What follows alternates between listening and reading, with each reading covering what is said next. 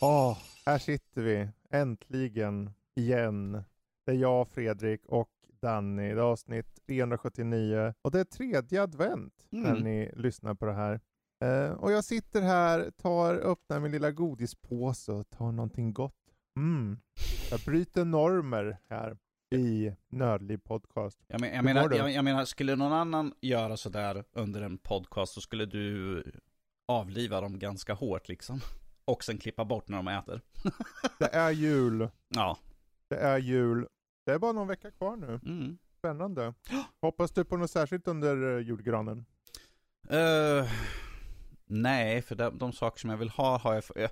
jag tyvärr måste jag ju vänta på PSVR 2 till nästa år. Så jag kan inte, Ah. ha, jag kan inte ha den liggande under granen. För det här priset som de utannonserade Nej, för så, nej, nej. nej det kanske inte. Men det skulle ju ha varit en trevlig ifall de hade faktiskt... Du kanske kan få en slant under granen? Ja, precis. Du har en början på PSVR.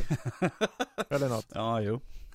Själv då? Ja, ja, vad kan det finnas under granen? Kan det finnas Lego? Kan det finnas ett 4090-kort? Kan det... Nej, man kan ju alltid drömma. Man kan alltid drömma. Men förmodligen så är det ett par strumpor och ja, där. Mm. Inte mer.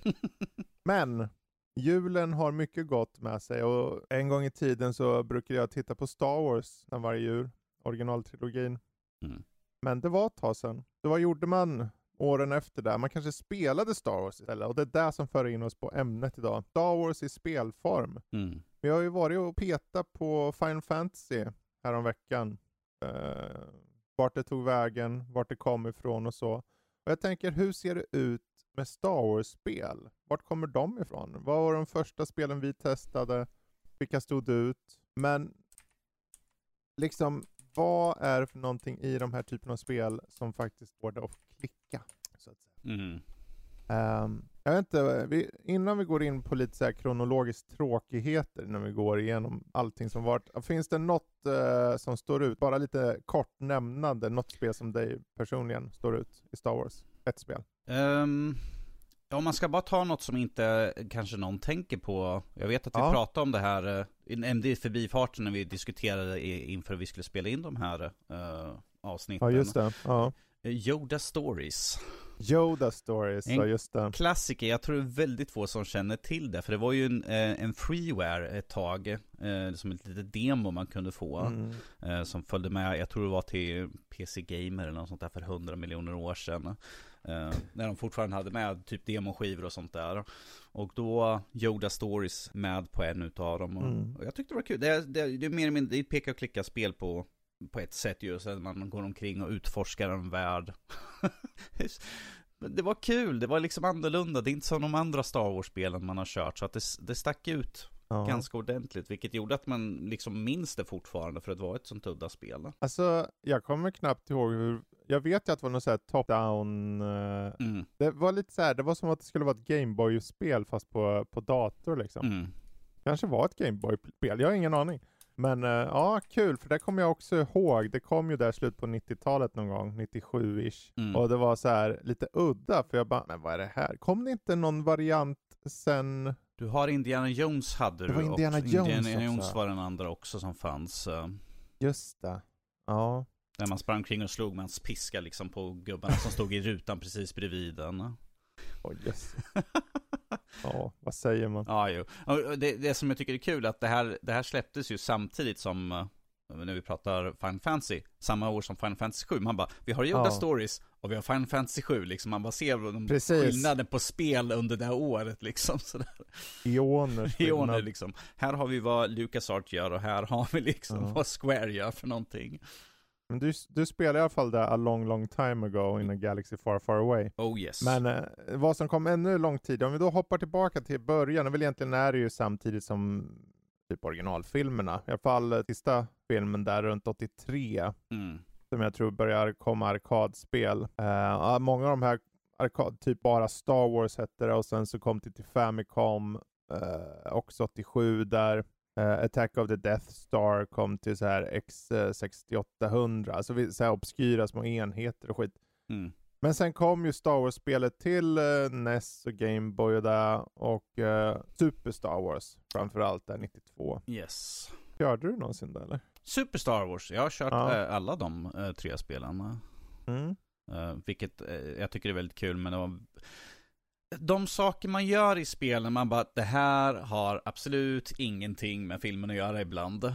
Speciellt, i, speciellt när man är inne i, uh, vad heter det, evokernas, uh, inte evokerna, uh, den här Sandcrawler, eh, Ja, Java. Javas Sandcrawler, man är inne och hoppar där och tar död på Ja. Javas höger och vänster och det är laser som flyger omkring. Jag bara, jag kommer inte ihåg att Luke gjorde det här i filmen direkt. Så det, det Han fin- gjorde det mellan shotsen. Ja, men som sagt, de har ju lekt lite grann med konceptet. De har ju tagit lite friheter med för att göra lite Ja. mer speligt än att liksom att Absolut. följa, följa storyn. Som, precis som vi kommer komma senare, som Mm. Lego-spelen har gjort ju.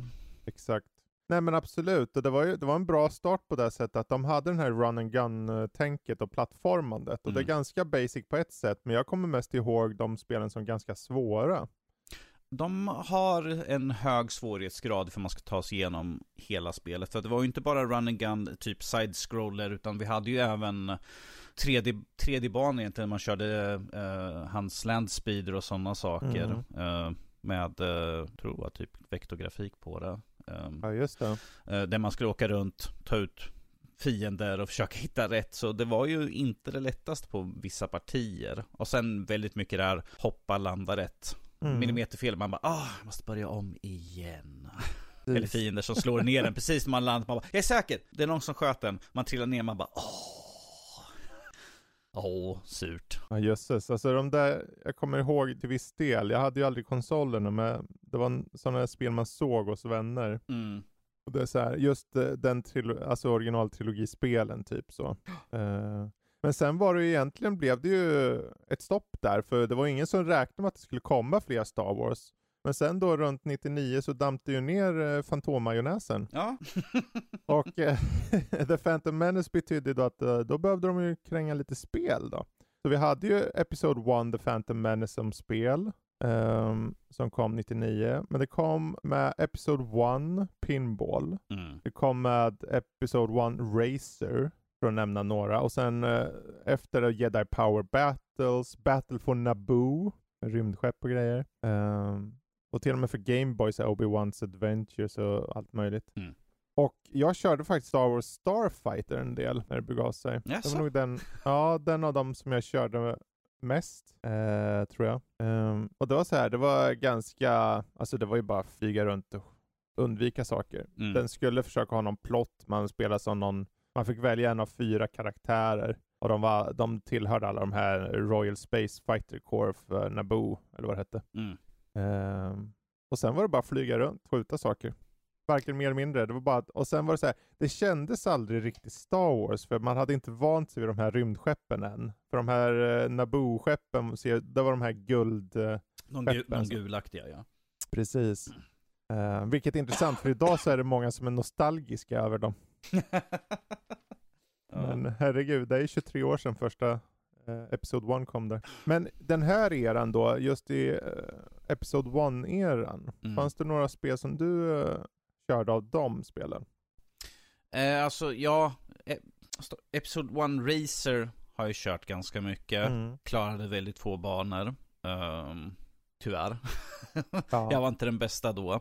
Eh, sen såklart körde man ju Episode Phantom Menace har jag kört väldigt mycket. Eh, Mm. Sen det var ju liksom ändå ett spel baserat på det, men vi får följa igenom hela filmen. Så det var väl det som var väl det som egentligen var mest Mm. intressant egentligen. För min egna del sådär. Precis. Ja, och det, som ni märker nu så går vi, jag tänkte jag börja med filmerna, de som är nästan rakt av filmerna, och sen kommer vi gå till lite mer, det finns ju en del typ spin-offer eller vad man, vad man vill kalla det. Utstickare där. utstickare, Mm. egna berättelser. Men de som följde filmerna, sen så gick vi vidare till eh, ja, Episod 2-spelen och då var det inte lika många. Det var Jedi Starfighter de egentligen följde upp lite, om jag kommer ihåg rätt, eh, lite av idén på eh, Starfighter då. Mm. Men då var det ju en jedi som styrde spakarna. Eh, jag körde inte det, jag såg det mest. Eh, The Clone Wars fick eh, spel till PS2, Xbox och GameCube. Eh, och så såklart Attack of the Clones-spelet till Game Boy Advance och likaså New Droid Army. Men det var ganska sparsmakat där. Eh, och sen så egentligen för eh, trean då, Episod 3, så var det just Revenge of the Sith-spelet då. Mm. Ja, det känns som det, det, ettan kom liksom och släppte massor som spel. Och Mm. tvåan kom, inte lika många. Och den tredje filmen så, ja, Nej, ett spel egentligen som värt att nämna där ju. precis. Och den var väl ungefär som Episode Ja, 1-spelet där, att det var Precis. rakt av från filmen liksom. Mm. Körde du den också eller? Den har jag också kört. Ja, ifall det är Star Wars så kommer jag sitta och Mm. eh, lurka och spela lite grann. Jag bara, äh, äh, äh, äh, åh, hoppa, slicea, liksom, hugga av dem på mitten. Lurka. Kom igen. Ja, kom igen, låt mig få, låt mig få hugga av folk på mitten. Nej. jag vet inte varför de inte Ja. vill låta mig göra det. Ja, man kan undra det. Men det är egentligen de som är direkt av från filmerna, eller i, an, i anslutning med filmerna. Mm. Men, och det är egentligen här då, för nu går vi tillbaka i tiden igen egentligen då. För, för min del så börjar det egentligen med Rebel Assault. Jag kommer ihåg jag gick till butiker, man, det fanns stora enorma joysticks då du skulle ta Se, se på skärmen ser ut som nästan FMV. Mm. Och så står det en kille bakom någon sån vägg och sen ska han luta dig fram och skjuta liksom. Ehm, så det var till exempel Rebel Assault som var den första. Men de som stod ut var ju X-Wing och Dark Forces och den serien som kom av det. Ehm, jag vet inte, av de här, om vi börjar från början. Star Wars X-Wing släpptes 93. Mm. Eh, fick även en uppföljare året efter i Star Wars TIE Fighter. Och så slutligen två, tre år senare så kom X-Wing vs TIE Fighter. Den kommer jag ihåg som en, ett väldigt bra spel för de som gillade typ simulatorer in space. Hur mycket simulator kan vara när man inte vet hur det egentligen ska vara, är ju en fråga. Precis, det är ju det är liksom fantasy, det är liksom Välj själv hur du vill ut, Ja. utveckla det. Ja, precis. Eh, och så cappar de av det med X-Wing Alliance Mm. om 99. De typerna av spel har vi inte sett på väldigt, väldigt länge. Nej, och eh, ifall man ska vara sådana, det här är den typ av spel, speciellt nu vi har kommit till VR-eran egentligen, Mm. så vore det här egentligen perfekt. För vi hade ju, vad hette det spelet som du, Star Wars-spelet som du recenserade? Rogue Squadron, Rogue kom här Squadron, om nu har året. den motorn, Mm. och det går ju också att köra där i VR. Varför inte ta och göra liksom en ny samling utav de gamla X-Wing-spelen, X-Wing vs TIE Fighter-spelen i den Mm. motorn? Eller, i all- eller i alla fall ta inspiration utav dem och göra liksom en spirituell uppföljare till dem. Mm. För att som sagt, det är ju ingenting vi har. Det var ju kul att vi fick se vissa bitar typ i det spelet. Men att det liksom skulle vara kul att faktiskt se en, en nytt, en, en remaster, reimagining på de spelen. För att det är ju ingenting som sagt vi har sett på jättelänge. Mm. Senast var ju som sagt 99 där ju med dem. Vilket är en himla många år sedan. Precis. Så, Rättelse, Star Wars Squadrons hette det, inte Rogue Squadron. Det är ju såklart ett annat spel. mm, Um, nej, alltså det är så här, det var kul just att Squadrons kom nu för något år sedan, för den var en sån, jag vet inte, det var som att de lekte med, kommer ni ihåg den här gamla tidens spel? Här har ni sånt, och de gick all in också i Squadrons. De gjorde så här, okej, men det ska vara bara merparten i rymden. mm, De hade berättelse, men det var väldigt välgjort. Ljudbild och grafik var också bra.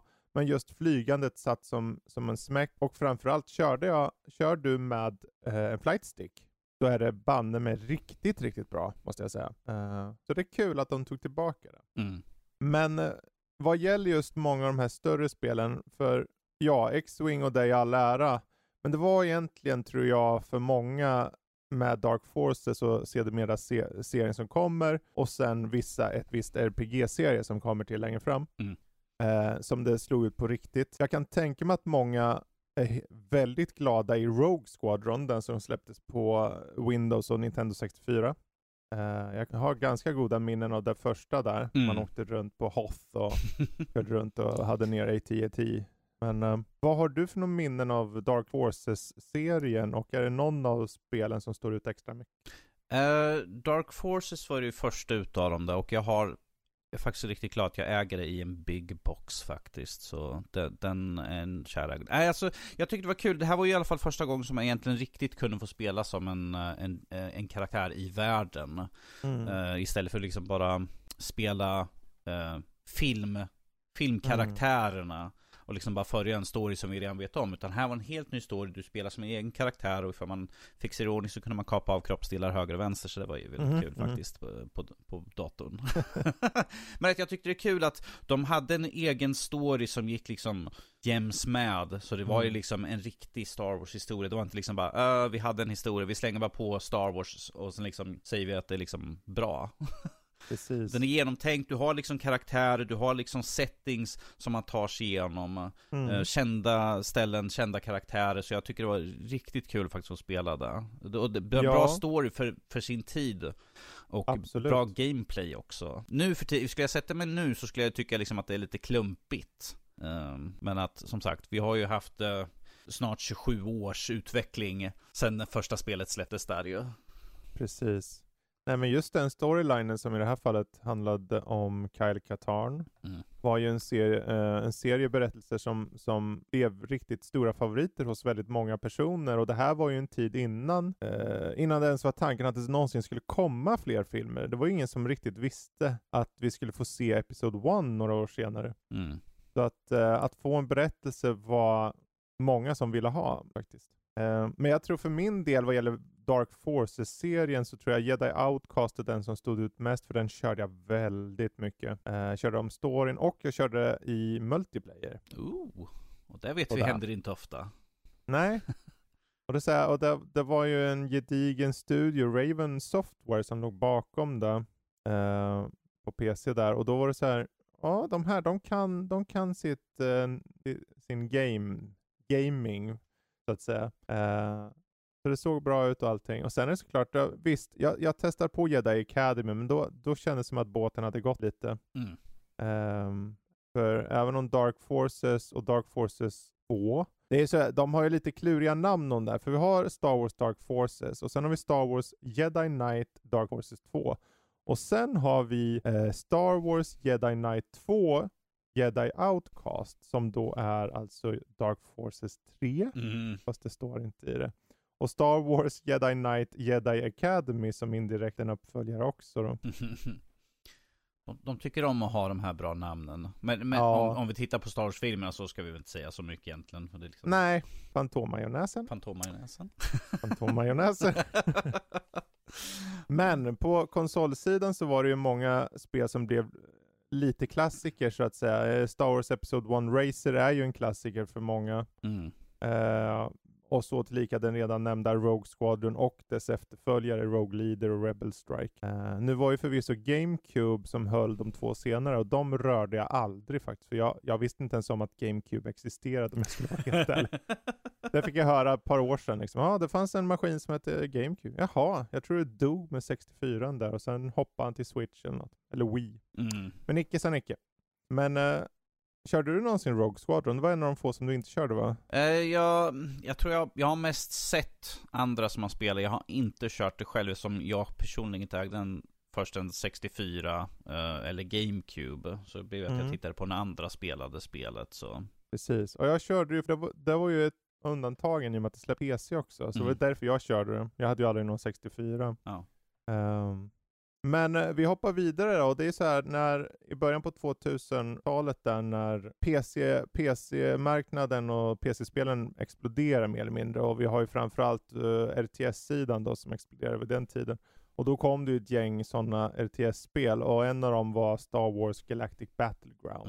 Mm. Eh, och det var ett ganska fylligt spel. Det var lite mer det hade ju kampanj och allting och du skulle liksom vara tre, fyra kampanjlägen och ett ganska, ganska stort spel i Star Wars-universumet Mm. som jag kommer ihåg som ett ganska okej spel. Så. Det kom ju ett par RTS, men eh, just den här var som bäst okej. Ehm, sen då så kom ju, för två år senare, alltså 2003, eh, 2001 släpptes Galactic Battlegrounds, kom ett litet spel som heter Knights of the Old Republic. Och det jag tror för min del, det var här som de cementerade, okej, Star Wars behöver inte ens vara i samma tid som filmerna, utan det kan vara sjukt mycket tidigare och helt eget. Så, vad är dina minnen av Star Wars Knights of the Old Republic? Eh, först och främst så är det ju stridssystemet tror jag. Som sticker ut ganska mycket. För det, det är ju inte det här spring fram, hugg, hugg, hugg. Utan det är liksom Mm. du tar och väljer vilken action du vill göra och sen utförs de allt eftersom. Um, Precis. Typ, jag vill hugga, jag vill hugga, jag vill använda en stimpack och sen vill jag liksom försvara här borta. Mm. Det var ju mer eller mindre det systemet. Uh, uh, vilket var ju en liten omställning från alla andra spel. Man tänkte, ja men jag skulle bara springa omkring fritt och sen bara hugga höger och vänster. Men det var ju inte det. Utan det var ju lite mer, Mm. det är ju mer taktiskt tänkande i det här spelet på hur, vad gör jag för val? Precis som eh, alla dessa dialogval. Ska du vara dark side? Ska du vara light side? Ska jag Precis. hjälpa folken? Ska jag ta och göra den här saken för min egna vinning? Uh, jag, Alltså de förgreningar av hur det liksom kunde ske med karaktärer och allting var ju helt bonkers. Mm. Och, och där är ju också så stora skillnader egentligen på hur din karaktär utvecklas. Folket Mm. runt omkring ser honom och vad för slut du får egentligen. Det, där märker man ju av ganska snabbt den här att valen man gör har en ganska ordentlig konsekvens. Mm. Jag körde igenom som elak såklart för jag tyckte det lät mycket roligare. sådär. Mm.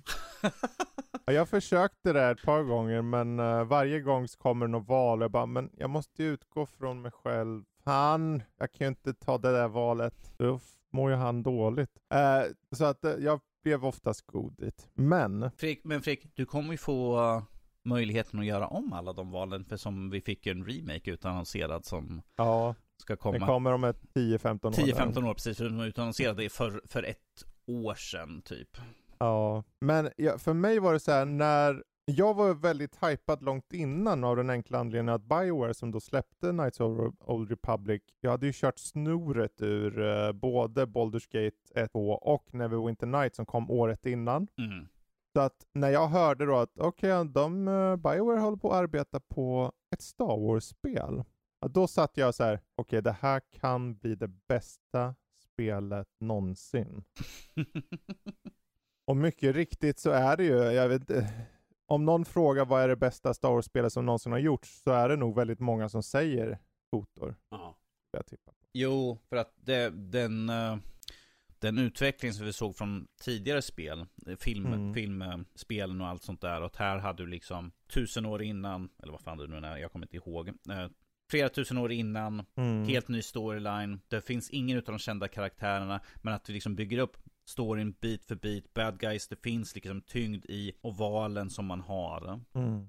Och sen, sen samt få utforska en tidigare era av Star. Wars-universumet. Och se liksom, vad hade de för någonting, om vi ser till skepp, till vapen och allt sånt. Det var ju liksom riktigt spännande ifall man som en Star Wars-nörd bara "Åh, Det finns ny lore jag kan ta in här nu, det finns Mm. nya saker jag kan få utforska.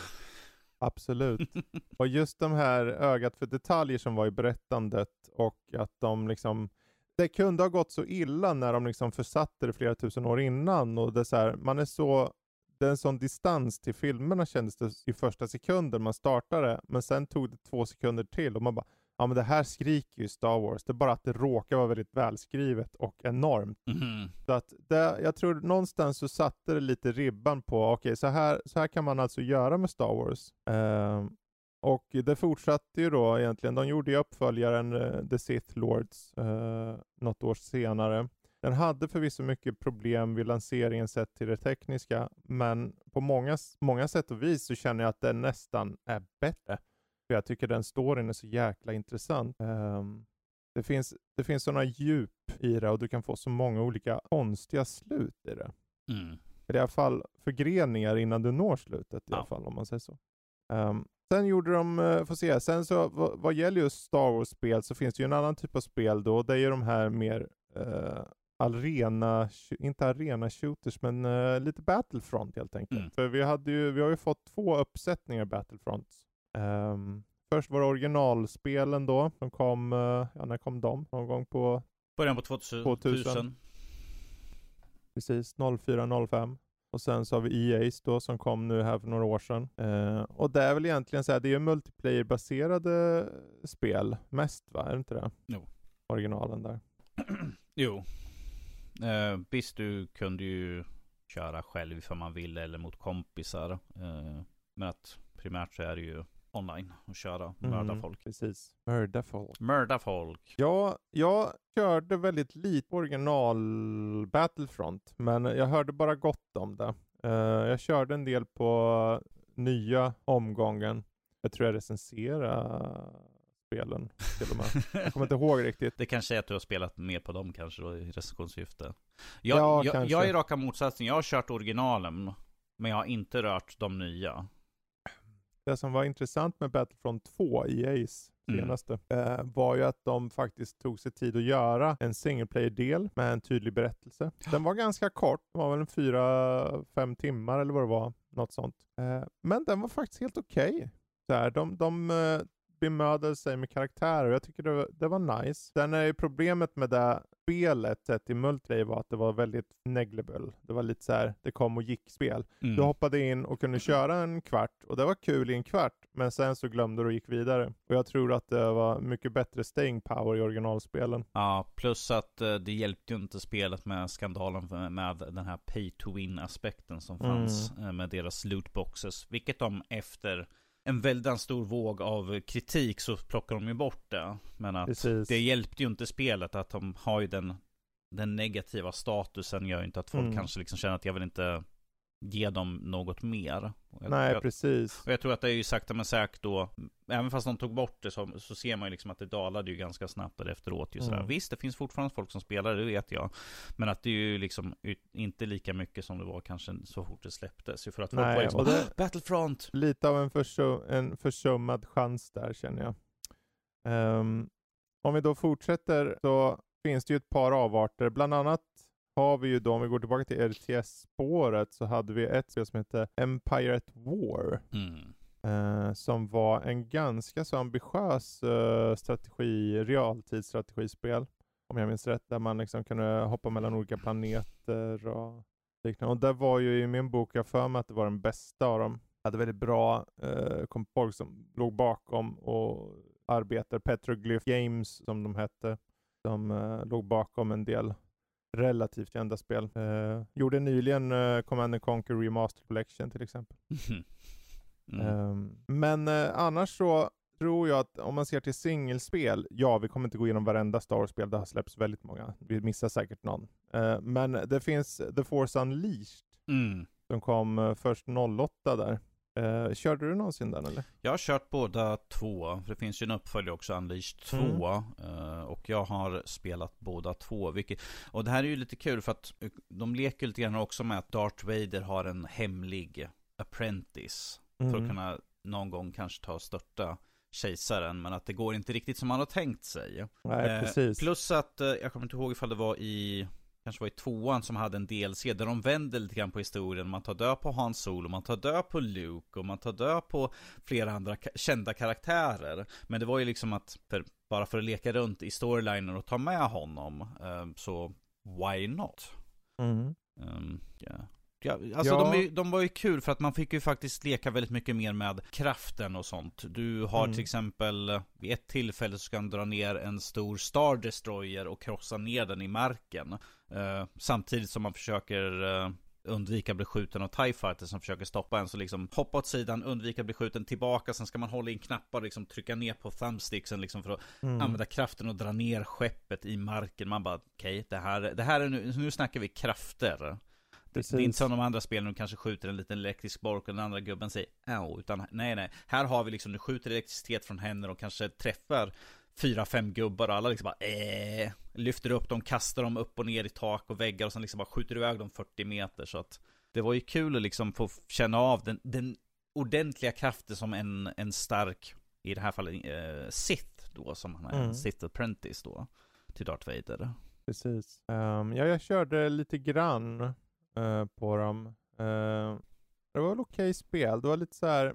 Jag tror många, många gånger vad gäller Star Wars-spel överlag, om man ska vara lite elaka, att det finns en del spel som bara kommer och går. Det är inte att de gör något bestående intryck tyvärr. Mm. Ehm, då var det kanske lite för mig personligen med den här serien.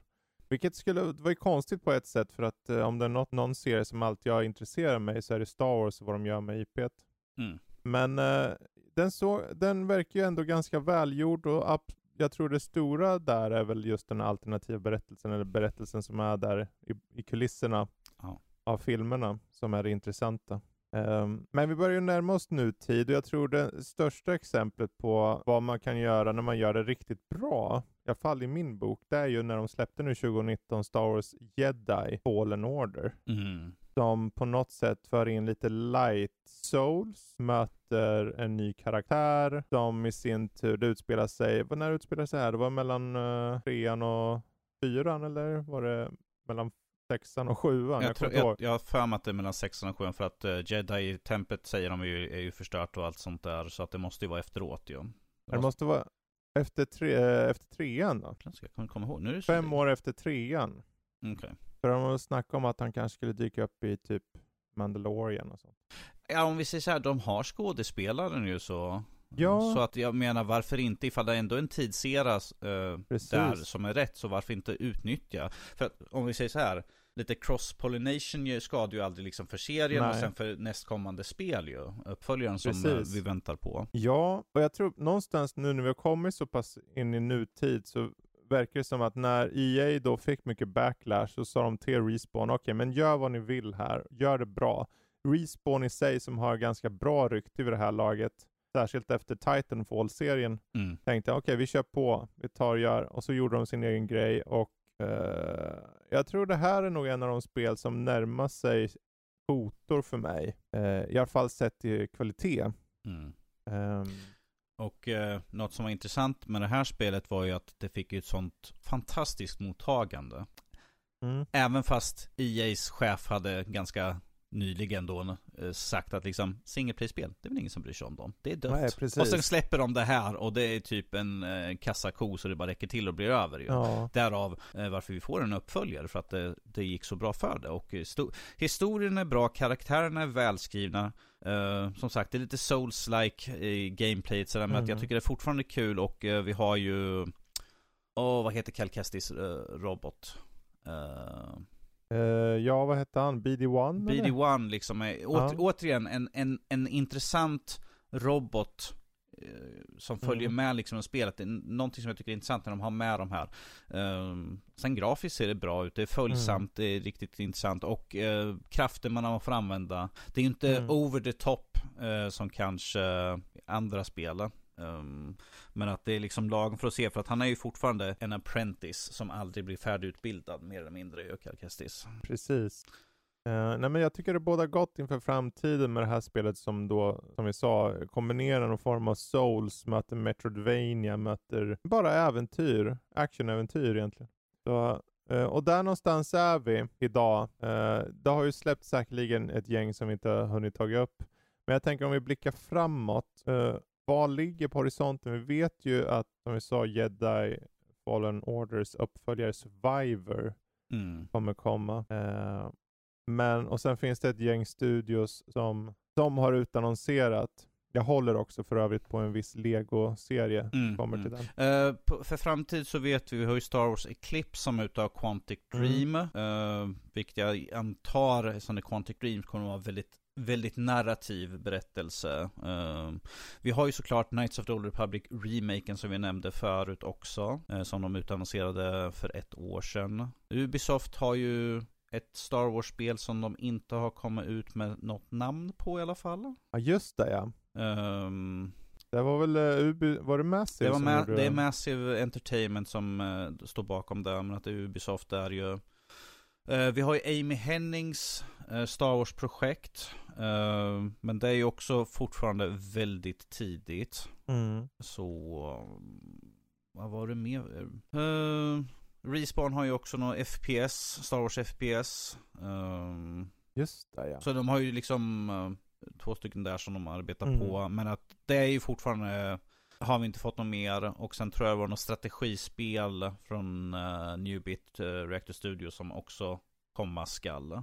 Mm. Eh, så det, vi har ju en stor variation i alla fall på spel som vi hör liksom att uh, vi har FPS, vi har tre, tredje person, vi har uh, remake på Knights of the Republic och sen ett strategispel också. Mm. Um, så, och, de, och det var ju någon av de gamla XCOM skaparna som är med och gör det här spelet. Så ah. vi, vi, vi, vi, vet ju att det kommer ju ha en väldigt XCOM-esk eh, ja, verkligen. form på det spelet. Men som sagt, det finns ju väldigt mycket att se fram emot. Och som sagt, väldigt mycket är ju inte, det finns ju fortfarande saker som inte är utannonserade ännu. Eh, mm. Efter att EA tappade eh, monopolet på Star Wars-spel ju.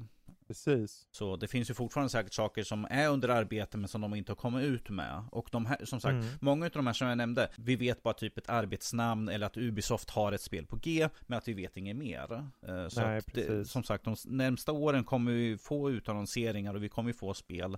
Det enda som egentligen med säkerhet vet om liksom vad, vad, vad det kan tänkas vara i Knights of the Republic remaken och Mm. eh, Star Wars Jedi Survivor. För att vi vet liksom karaktären, vi vet att det kommer vara en direkt fortsättning på hans storyline.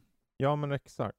Eh, och eh, jag tänker då om vi hoppar vidare eh, så är det ju en större serie då som är kvar här som vi inte har gått in på än och det är ju då Lego Star Wars-serien mer eller mindre. Där vi har Lego Star Wars, Lego Star Wars 2, eh, The Original Trilogy, Lego Star Wars 3, The Clone Wars och så Lego Star Wars The Force Awakens och sen blev det ett hopp till Lego Star Wars The Skywalker Saga som har alla nio filmer. Och jag Ja. äger alla spelen. jag har dem separata så här. Ja, De stående i hyllan där borta. Ja, vad säger du? Är det någon av de här serierna som står ut? Eller vad man nu kallar det. Eh, någon som står ut så tycker jag ju första egentligen som eh, för att det liksom var den första Lego Star Wars som vi fick. Eh, de leker ju lite grann med konceptet, vilket de har gjort under i alla eh, adaptioner av ifall det är någon spel, spel eller en filmlicens som de har gjort om till ett Lego-variant. Eh, Mm. men jag tycker att den första stack ut för att den, den visar liksom eh, humorn som skulle sätta liksom eh, sätta liksom mantrat för serien. Eh, Mm. lite hu- visst, du hugger, i, hugger ihjäl karaktärerna de trillar sönder och blir små eh, legobitar och sånt där. Så att det är ju barnspel så att det är ju inte på ett icke-våldsamt sätt fast ändå. In, ändå. Eh, Men att jag tyckte att det satte liksom tonen för vad de andra skulle bli. Och vi såg ju sen att de släppte ju sedan originaltrilogin. Och sen fick vi ju som sagt eh, Force Awakens, sen fick vi Skywalker Mm. Saga. Um, Vi hade ju också det eh, som sagt Vi hade ju också den här The Complete Collection som hade 1 till 6 Ehm, eh, Så där, vi har ju sett liksom att det kommer liksom första filmen Första Mm. trilogin, eh, andra trilogin och sen liksom en samlingsbox och nu fick vi ju som sagt eh, The Skywalker Saga som egentligen tar allt i en ny skrud. Mm. Liksom, det är inte bara som jag trodde liksom att de skulle ta de gamla spelen, de skulle uppdatera lite grann, göra det lite snyggare, kanske piffa upp motorn eller något sånt där. Men att det är helt omgjort det som vi har ju istället för bara en liten hubbvärld så har vi liksom helt öppna världar där man kan springa emellan och sen åka över till nästa film och utforska deras områden. Mm. Det är ju liksom inte liksom att gå hit, gå in i en dörr, nu startar du nästa film. Utan liksom du går liksom över en större, större utrymme och rör dig emellan. Mm. Vilket jag tyckte var lite intressant. Ja, och jag tycker det som är så skönt just på ett sätt att se vad, vad, vad ett spel kan leda till. För om vi börjar i Travelers Tales fall Mm. så kan man väl säga det att tack vare just specifikt Lego Star Wars The Video Game så fick de egentligen i uppgift att göra alla Lego-spel därefter Mm. av den här typen då. Som är egentligen själva äventyret i filmen, eh, förenklat för vem som helst att ta sig an på ett roligt sätt, samla studs och bara ha kul. Mm. Man kan köra med en vän. Ja. Eh, och det här konceptet har de kört med och nu på sistone har de uppgraderat eller uppdaterat då till exempel i Skywalker Saga. Men tack vare det så har nästan satt Lego på kartan då på det sättet att när någon tänker Lego-spel så tänker man oftast på deras Lego-spel Mm. först. För, jag, för jag menar, eh, det har ju funnits många Lego-spel. eh, Mm. eh, om vi ser på det stora hela. Men att jag tror att det är de här eh, som har liksom, ifall folk tänker Lego så tänker folk generellt på Lego Star Wars, Lego Indiana Jones, Lego Mm. Batman eller något sånt där. För att eh, de, se, eh, de filmerna är ju liksom en, i the zeitgeist av, av publiken. Och sen ifall du tar Lego och kombinerar det och det görs på ett bra, ett bra humoristiskt sätt gör ju att liksom, eh, ja men ja, då kollar jag in nästa spel för att jag tyckte om vad jag fick i den här. Mm. Finns ju en anledning varför vi nästan har fått spel eh, med så kort tid emellan egentligen. Som sagt, de har ju pumpat ut massvis med olika eh, typer av genrer. Star Wars, eh, Harry Potter, Pirates of the Caribbean och allt sånt. Ehm, De har ju lite blivit sin egen genre, för Mm. rent så här, spelmässigt skiljer de sig kanske inte något alls. Men i sig själva så står de ut, om man jämför mot andra spel, i det att ja, men det här känns väldigt mycket Travels Tales. Ja. Det här känns väldigt mycket deras serie. Jag, jag tror att det är ju också väldigt mycket på hur de har använt humor Mm. i, i, eh, i saker som kanske kan vara väldigt mörkt. Eh, Star Wars är ju inte en, en glättig historia egentligen. Så det, en, en pappa i en mörk dräkt som försöker ta död på sina, sin son, liksom hugger handen Mm. av. Liksom. De gör det på ett humoristiskt sätt. Mm. Ehm, så jag, jag tycker att det, det har ju gjort att det har ju både för vuxna och för barn ehm, som kan liksom avnjuta spelet. Och ta, och ta liksom olika delar liksom. En vuxen kanske ser liksom att ja, men det här kommer ju från filmen. Det är, väldigt, det är en väldigt hemsk upplevelse. En traumatisk upplevelse för man tänker liksom mer på den biten. Medan ett barn bara liksom Haha, han håller i sin hand som precis har blivit avkapad. Och han liksom bara "Hå, hå, hå", Och Darth Vader bara och de bara skrattar åt det. Man bara Ja, ja, okej det, men Ja, ja, det är ja, sånt som händer. Ja, ja. Det är, som sagt, det är, jag tror som sagt, det är väldigt mycket utav humorn som har gjort också att de har satt. För Mm. att de har ju tagit liksom alla filmer, gjort en twist på det, liksom gjort det på ett humoristiskt sätt. Samma sak med Indiana Jones, Harry Potter, de har ju liksom Mm. använt sin säregna humor som är typiskt för dem. Som har, liksom, jag tror att det är i kombination med gameplay och att liksom Lego har gjort att det Mm. har blivit en hit.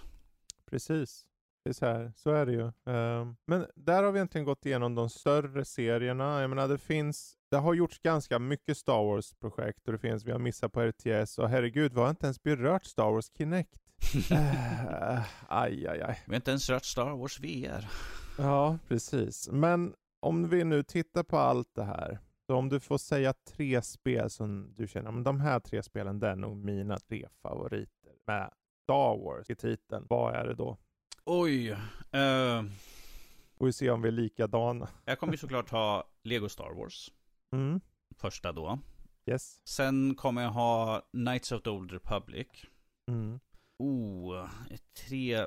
Oh, jag kommer att säga Dark For- Star Wars Dark Forces. Ja, Kommer, bra. kommer, nog- kommer att vara mina, mina tre val där i alla fall. Ja, det är jä- jättebra val där. Eh, Jag skulle nog säga också Kotor. Mm, Det är en given. Jag skulle nog säga Jedi Fallen Order faktiskt. mm, Ehm, sen är ju frågan, för det, är så, det finns så många spel här. Det skulle kunna vara Rogue Squadron, för den tyckte jag om. Jag tyckte jättemycket om Jedi Outcast. X-Wing vs TIE Fighter är också en klassiker. Men, eh, ja du. Ja, det får bli Kotor 2 faktiskt. Jag är så tråkig. Jag, jag, jag måste ta, för att jag älskar den storyn. Jag menar, första Kotor bara för att där etablerar de just hur ett RPG kan göras och, och ger alla verktyg. Och sen så får de bara en bättre story i tvåan. Eh, Får, får jag ha med en bubblare? ja, ja. Eh, då ska jag ha med Star Wars Shadow of the Empire. Ja, Där man Just spelar som. Dash Rendar. Vilket jag tycker är en intressant spel. Jag körde ju det på Mm. 64 nu. In the day när det kom. Och jag tycker att det, det är ett intressant spel. Skulle, det är också ett spel som jag skulle vilja se kanske piffas till och mm, släppas med nytt. Men eh, som sagt, väldigt många utav spelen skulle jag gärna vilja se. Eh, eh, Jag skulle till och med kunna ta bara en hodifiering av vissa av spelen sådär. mm, Bara för att bibehålla känslan. Men jag skulle absolut inte klaga för de skulle typ ehm, ta och använda typ Fallen Order-motorn och kanske göra något nytt på det. ja. ja, det vore ju awesome alltså. Mm. Det är så, det, det är så My- många klassiker. Ja, jag tror mycket hänger på hur väl Kotor-remaken, Mm, hur, hur bra den säljer, hur bra den, hur, vilken kritik det får. Kanske vi kan se att de kanske går tillbaka i det gamla Star Wars-biblioteket och tittar, Mm. vad mer kan vi piffa upp? Som sagt, som vi nämnde i början, X-Wing ja, skulle ju vara fantastiskt. eh, att få- Precis. få en, en ny, eller liksom att de gör en ny version av originalet. mm. Jag menar herregud, vi hade ju de här, vad heter det, Republic Commando? Kommer du Mm. ihåg dem? Ja, det gör jag. Det här SWAT-liknande spel man kör four player eh, liksom co-op. Eh, vi hade en av de sämsta RTSen som någonsin gjort som heter Force Commander. Jätteklanky, såg Ja. för jävligt ut. Men det kom 2000 så det var lite så här, okej, men det, det är så tidigt. Mm. Men eh, jag vet, jag tror det finns många som gillar, ko- kommer att gilla den här Bounty Hunter. Mm. Där man var, jag vet inte om man var typ Django Fett eller någonting. Ja. Eh, men det, det finns ju sådana här små avarter till spel liksom som, som stod ut och var ganska söta så. Ifall du ska ha sött, så varför inte ha Super Bombad Racing till exempel? Det är liksom, Ja. du man kör som små chibi-figurer med typ enorma huvuden. Ja, så där just man, det ja. Det är podracing, men att man kunde köra som eh, Yoda, Darth Maul. eh, Ja. Och alla hade enorma, typ så här, typ fyra gånger större huvud liksom, som satt och vickade på toppen sådär. Ja, det vore ju udda. Ja, det var kul du nämnde Shadows of the Empire för att det, det är en sån som jag faktiskt hade glömt bort där. Mm. Den, eh, den skulle definitivt... Men det är så här, just vad är det tror du som gör att Star Wars funkar som spel då? Ehm, jag tror ju att eh, Star Wars... När det väl funkar? När det väl funkar. Jag tror att först och främst är liksom Star Wars-universumet. Vi har ju levt med det så länge att alla, pri, primärt alla känner till vad Star Wars är. Vi vet vad en, en riktig Star Wars ska vara. Och när det är rätt, storyn är satt i universumet och det liksom känns rätt Mm. oberoende på ifall du kör som en jedi, en sith eller vad det må vara. Liksom att du är i universumet, du ser saker du känner igen, liksom musiken är rätt. Så Mm. tror jag att det spelar ingen roll. RTS, FPS, racing eller som eh, eh, det fantastiska Master of Terracassi som är faktiskt ett fightingspel. Oh. Jag har det också. Skäms lite grann. Eh, men att jag tror att väldigt mycket är ju liksom det här att det är, är satt i universumet. Du har rätt folk som skriver som vet vad som behövs för att sätta stämningen. Mm. Som sagt, har du musiken, gör ju liksom 50% av hela det. Har du liksom Ja. en karaktär som du kanske skapar själv, eller en existerande karaktär men gör en intressant historia som är utanför det vi Mm. förväntar oss att se i film eller från böckerna. Så tror jag att det kan bli väldigt intressant. Ja, verkligen. Och det, se, det ser vi ju nu ehm, med... ehm, Jedi Fallen med, Order. med ja, precis. Så att vi ser ju där liksom att där har de ju fått tonen, de har fått känslan, Mm. um, områden liksom och vad man får upptäcka och liksom och det som berättas emellan, där man kan läsa mellan raderna vad som händer i universumet samtidigt som man är och gör sina små trials. Ja, precis. Så att jag tror att väldigt mycket det gör att när det blir rätt så blir det riktigt bra. Ja, men jag håller med. Men vad som också är riktigt bra, det är den här platsen där vi väljer att avsluta av- avsnittet. Nej, men jag tänker det finns inte så mycket mer att ta upp, eh, kan jag tänka mig, utan eh, Star Wars är ju någonting som kommer förmodligen göra spel på länge och väl, Mm. om inte Disney dödar det helt. Peppar peppar. Om de dödar Eh. film och tv-serier så kan vi fortfarande ha spel där vi kan leva Ja, vidare. precis. Deras historier. Eh, det är väl bara en tidsfråga innan det får en Mandalorian eget spel eller något. Mm. Men eh, då så, jag menar, det får bli det här veckans avsnitt. Nästa vecka kommer det vara Super Mario. It's a Mario. Då får vi ta och eh, luta oss tillbaka här i fåtöljen och äta en extra liten lussebulle. Kanske en pepparkaka eller sju. Eller vad säger du Danny? Jag ska ha det och sen ska jag doppa det i min glögg och vara nöjd. Mm. Ja, härligt. Men då får ni ha en god eh, fortsättning där ute så hörs vi igen om en vecka. Så säger vi två hej då. Toodaloo. Ho, ho, ho, ho!